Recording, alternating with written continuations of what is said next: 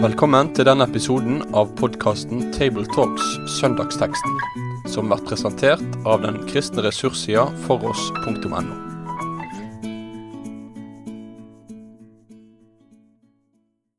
Vel møtt til en ny samling om søndagens tekst. Vi er samlet her, eh, Asbjørn Kvalbein, meg og Egil Sjåstad og eh, Svein Granerud. Det er en tekst som handler om eh, forvalterskap og mange ting i Lukas 16. Men vi skal la Egil Sjåstad lede samtalen og lese teksten. Vær så god. Ja, det er Lukas 16 fra vers 19. Egentlig en kjent beretning. Det var en rik mann som kledde seg i purpur og fineste lin, og som levde hver dag i herlighet og glede. Men det var en fattig mann ved navn Lasarus som var lagt ved porten hans. Han var full av verkende sår. Hans ønske var å få mette seg med smulene som falt fra den rikes bord, men endog hundene kom og slikket sårene hans. Så skjedde det at den fattige døde, og englene bar ham bort til Abrahams skjød. Men også den rike døde og ble begravet. Og da han slo opp sine øyne i dødsriket, der han var i pine, da ser han Abraham langt borte og Lasarus i hans skjød.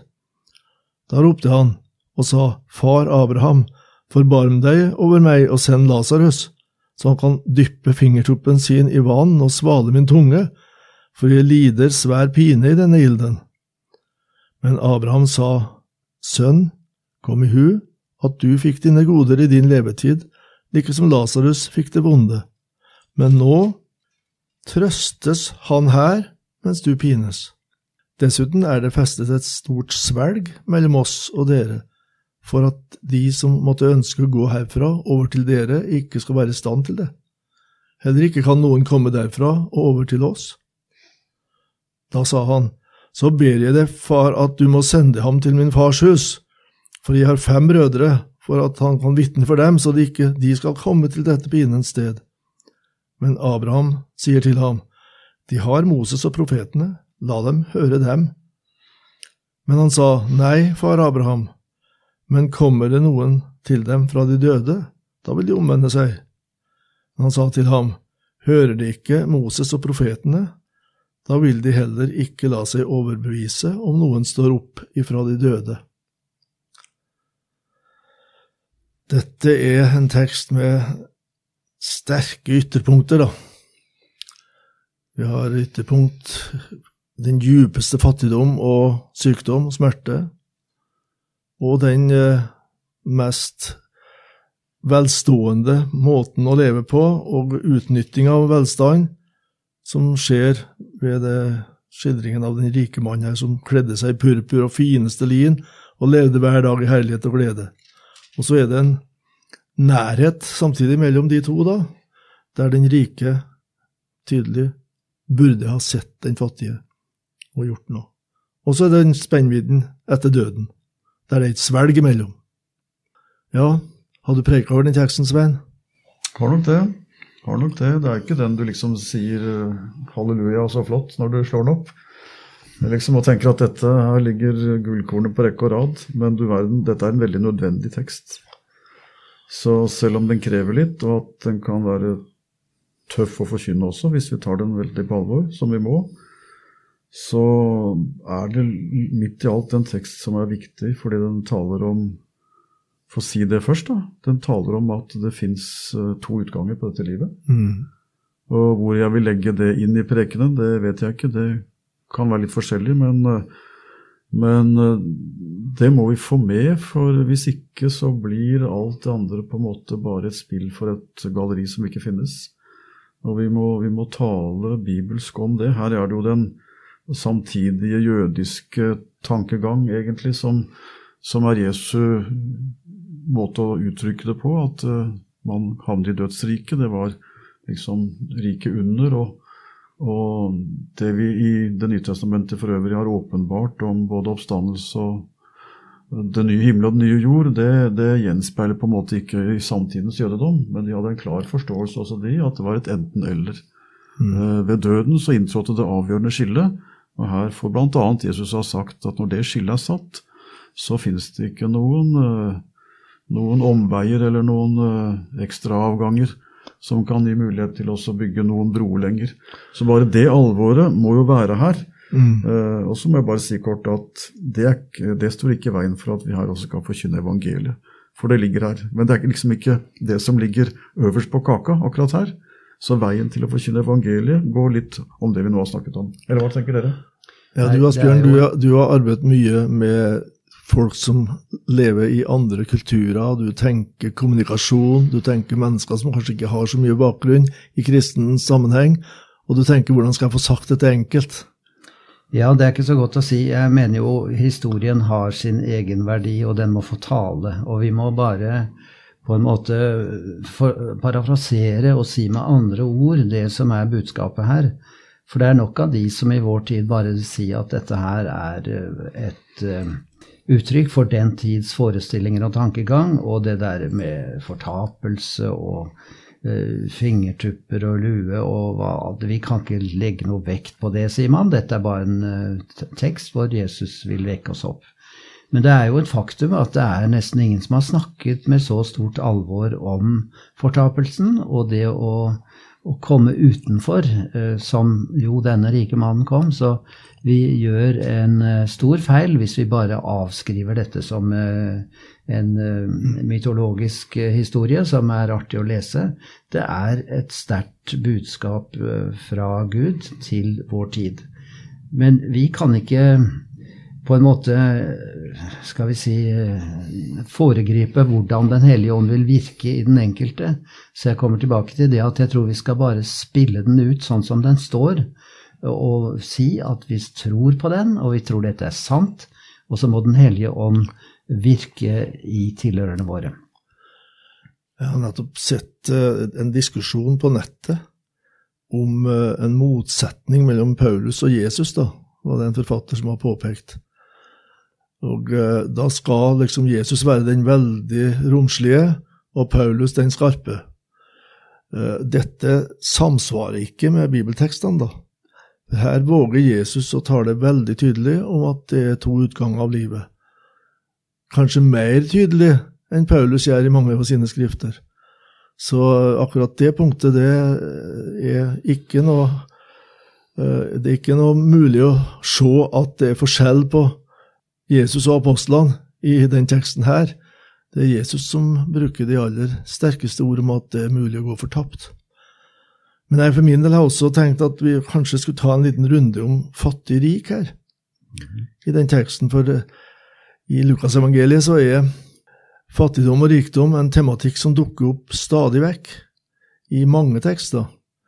Jeg husker en gang jeg hørte Billy Graham preika, og han eh, brukte tre tekster fra Lukasevangeliet og så en utvikling i tre ulike faser hos mennesker som da rikdommen var øverst og først.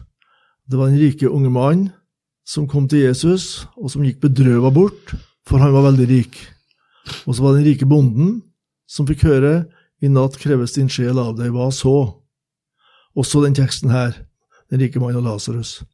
Så lot, som du sier, Billy Graham, disse tekstene spille seg ut, før han forkynte at det er også nåde å få for den som, som vender seg om til Jesus og lar han være rikdommen. Ja. Fattig-rik, Svein? Ja, vi må si noe om det. Vi, vi må, det er jo en beretning som Jesus forteller. Og det er fullt mulig å se en direktørvilla hvor uh, mann i huset går ut og inn hver dag og sette seg i sin Mercedes. Og så ved porten ligger det altså en som ligger der fast og ber om noe til et uh, minimalt livsopphold. Han lå ved hans port, så det betyr at han har sett han hele tiden. Han var lagt der, står det. Ja, ja. Det, det, kanskje han ikke engang uh, en gang uh, klarte å komme dit selv. Uh, det skjer visst litt i vår tid, og det at noen mm. blir fraktet rundt for å være på plass foran mm. noen dører og porter. Så det var vel ikke bare den gang, eh, bare den gang eh, det. Eh, kanskje vi til og med skal aktualisere det litt og si at det, det, er en utfordring for oss som har alt, å se dem som ikke, dem som ikke har. Ikke å gå inn i tiggerproblematikken nødvendigvis, eller sånn, men allikevel, hva gjør det med deg det at du ser? Hva gjør det med din egen forvaltning? For denne rike hadde jo ikke forvaltet slik at det ga uttrykk for tro. Og så må vi også si, det kommer vi nærmere til, men den fattige ble ikke frelst fordi han var fattig. Det står det, det står det ikke et ord om, og det er det noen som liker å preke, at det er enklere å bli frelst når en er fattig, og det kan tenkes. Men du blir ikke frelst fordi du er fattig. Men den rike hadde altså som stengsel tydeligvis for sin tro at han hadde så mye at blikket var sløvet når han møtte den fattige, og han lignet vel på den rike mann som samlet i lader og så tryggheten i det, og så kom døden som en uforberedt og uventet overraskelse. Mm. I de tre første versene her så er det jo så sterkt skildret med få ord den kolossale kontrasten mellom, mellom eh, Lasarus og den rike mann. Og jeg syns det er så sterkt det siste leddet, at eh, hundene kom og slikket sårene. Altså, eh, den rike viste ikke menneskelig eh, følelse i det hele tatt, men endog dyr viste omsorg for han. Så det, det er det kolossalt eh, dramatiske ved dette. Eh, men altså så snus rollene fullstendig om, da. Eh, de dør begge to, som det står i vers 22. Og den rike ble til og med begravet, og der, der blir man jo like i den fasen. Men han havnet i Abrahams fang, den godeste Lasarus, og ble trøstet og hjulpet og styrket og den rike langt borte. Det er mm. detaljer som sier mm. noe her om et kolossalt skille og en veldig kontrast fra det levende livet. Mm. Det er vel sånn at uh, den rikdommen og den rike mannen her, han skildres egentlig med et hardt hjerte. For å leve på den måten der, og ha et medmenneske ved utgangsdøra som hadde det som Lasarus, hvis du da ikke lar deg gripe av det, så har du et hardt hjerte. Ja. Så det er noe med Det er ikke alle rike som har harde hjerter. Så vi må ikke preke sånn heller. At rikdom i og for seg blir galt, men rikdom er en fare, og kan, det kan skape harde hjerter som gjør at en ikke ser Det det forvalteransvar, men forvalter bare i lys av hva en sjøl kan få mer av. Han hadde jo tydeligvis ikke noe omsorg for sin død. Han uh, samlet for å trygge seg. Og da mm. var hjertet der hvor skatten var, og skatten lå i alt han eide. Og han var så fattig som det går, være, går an å være midt i sin rikdom. Men jeg syns det er personlig utfordrende å minnes om rikdommens farer, og det er ikke sikkert det er man må være så langt opp i lønnsklassene før en uh, risikerer noe av den utfordringen det er å huske at alt jeg eier, har jeg fått, og det er jeg satt til å forvalte. Min rikdom er ikke min evige eiendom, men det er uh, noe jeg skal forvalte, og de fattige er med å minne meg om det. Og Hvis ikke de får lov å gjøre det, ja, så, så er jeg i fare for å havne der hvor like mann havnet. Vi får tale til oss sjøl her, tror jeg, for å tale troverdig til andre. Jeg så ifra Amos bok her. Det var jo nevnt profetene og loven. Eller Moses og profetene mot slutten av teksten her. Så vi kan tenke på profetenes domsord over de rike, da. Altså de rike som undertrykte de fattige. Og Amos er jo et skoleeksempel på dette. her, altså Dere som undertrykker de hjelpeløse, som knuser de fattige, som sier til deres menn 'kom med vin, så vi får drikke'. Dette er da kvinnene og i kapittel seks hos Amos, dere som ligger på elfenbensbenker og dovner dere på divaner som eter lam av jorden og kalver fra fjøset, og som improviserer til harpens toner og drikker vin av skåler og salver dere med det fineste olje, men ikke Og så har du det derre eh, utfordringen, altså at de ser ikke. De, de lar ikke rikdommen, eh, tar ikke den inn under forvaltning etter kjærlighetens eh, lovmessighet. Det er veldig tankevekkende, syns jeg. Men så ser du her da i vers 24 eh, at han skildrer med en kort setning hvor forferdelig fortapelsen er. Jeg lider svær pine i denne ilden. Og så synes det da som at det er eh, det at han da kommer i denne lidelsen som vekker ham. Da plutselig får han et hjertelag. Da får han omsorg for de som ikke har hørt, mm. og han ber om at Lasarus må bli den store profet som kommer eh, fra de døde og forteller brødrene hans hvor forferdelig det er å komme bort fra Gud, og hvilket eh, fryktelig svelg som han hører det er mellom eh, det gode og det onde. Og det er jo Abraham som forklarer det, men den rike mann må jo bare konstatere at det er sant. Slik er det.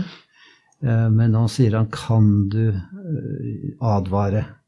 Eh, Det står jo ikke bare vitne, men du skal gjennomvitne for dem, altså grundig si fra om at dere kjære fem brødre må vende om i tide, så dere ikke kommer til dette pinestedet. Mm. Så mm, nok en vekker i denne teksten. Jeg sa en gang til en prest som jeg hørte preika over denne teksten, og som jeg syns preika godt, at uh, den teksten her er en sånn test for hvordan en predikant virkelig tar Guds ord på alvor, da, og våger å si også det som en veit skaper stor motstand i store deler av befolkningen, at det er to utganger av livet. Og det, det testes predikanter på, virkelig.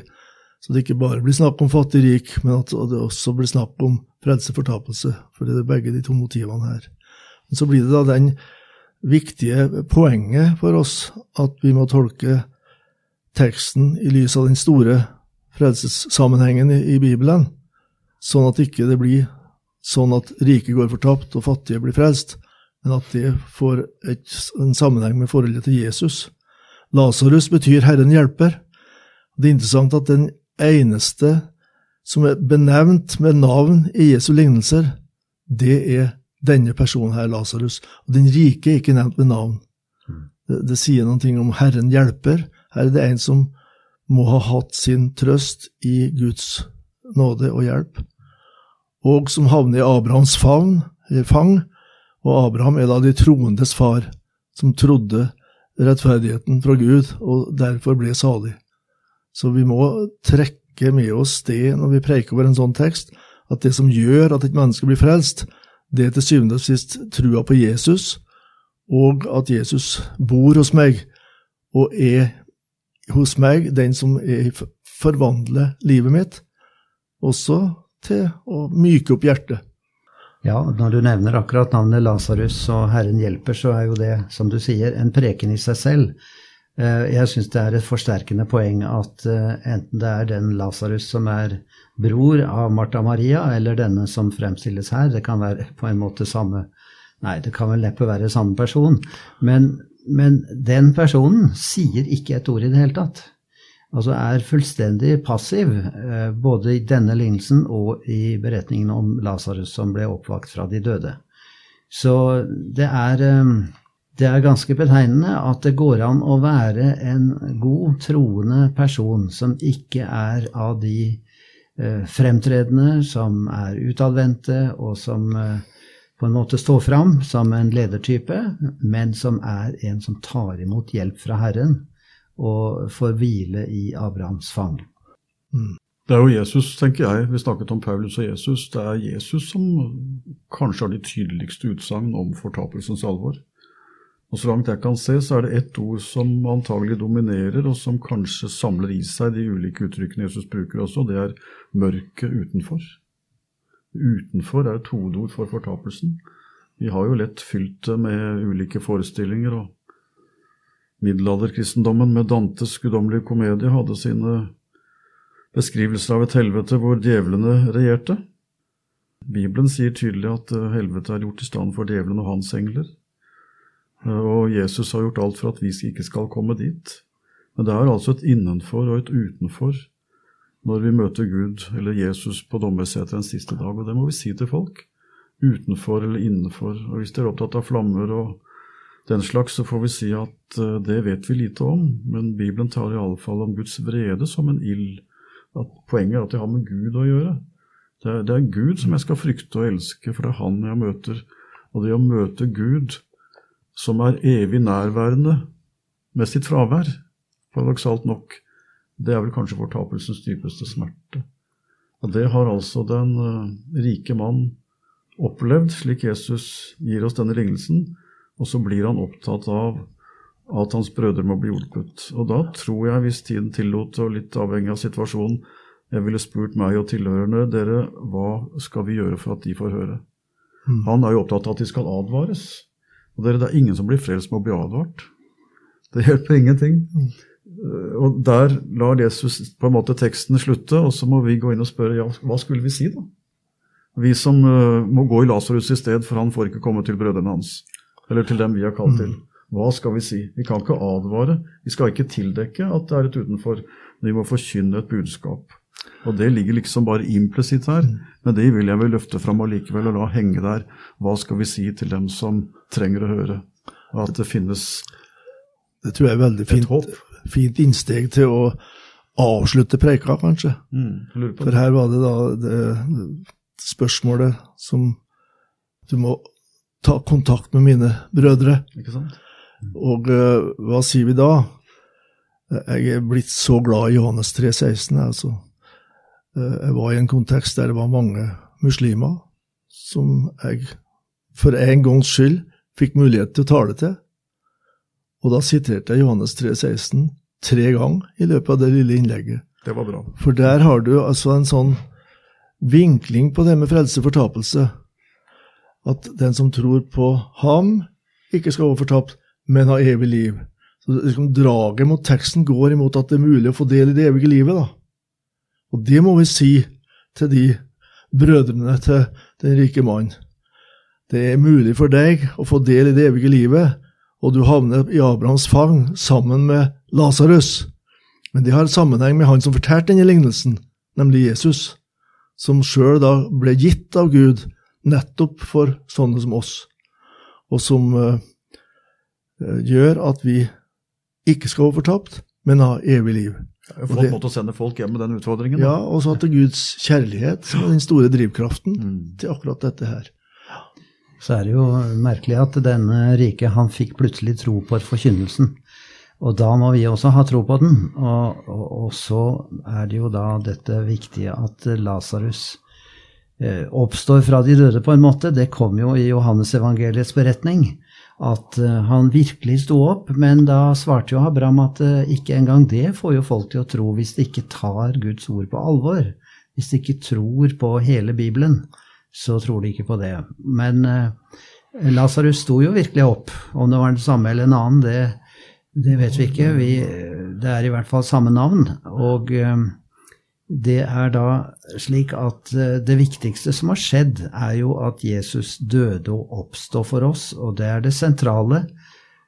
Og det må vi knytte sammen med det å høre Abraham og profetene og loven, Moses altså, slik at vi kommer til tro på Jesus som virkelig er det store midtpunktet her.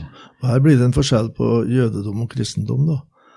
At eh, vi lærer at Kristus er sentrum i Det gamle testamentet. Så når vi skal forkynne loven og profetene, så havner vi hos Jesus. Og da havner vi nettopp hos Han som kan frelse meg fra fortapelsen og gi meg del i det evige livet. Så det blir et viktig poeng mot slutten av en sånn preken, tror jeg, da. Men det er mange måter å legge opp en preken på. Men Det er ikke så dumt å bruke Abraham, nå er vi ved veis ende her, men eh, Paulus bruker jo Abraham i Galaterbrevet bl.a. Og han var de troendes forbilde. Han var stamfar, ikke bare mm. til jødene etter ja. kjødet og naturen, men også stamfar for dem som tror, ja. de som lik han tror på Guds løfte. Så knytte håpet som Jesus gir, mm. til han som i Det gamle testamentet er med å peke fram på ham, det, det gir god mening. Det er jo veldig flott uttrykk å havne i Abrahams fang. da. Englene kommer. Så det får vi utfordre predikanter på og tilhørere, at når de hører den teksten her og preike, hører det preikes over den, at de virkelig må be til Gud om at det må nå fram på en riktig og god måte. Med det sier vi takk for følget for denne gang. Finn flere ressurser, og vær gjerne med å støtte oss på foross.no.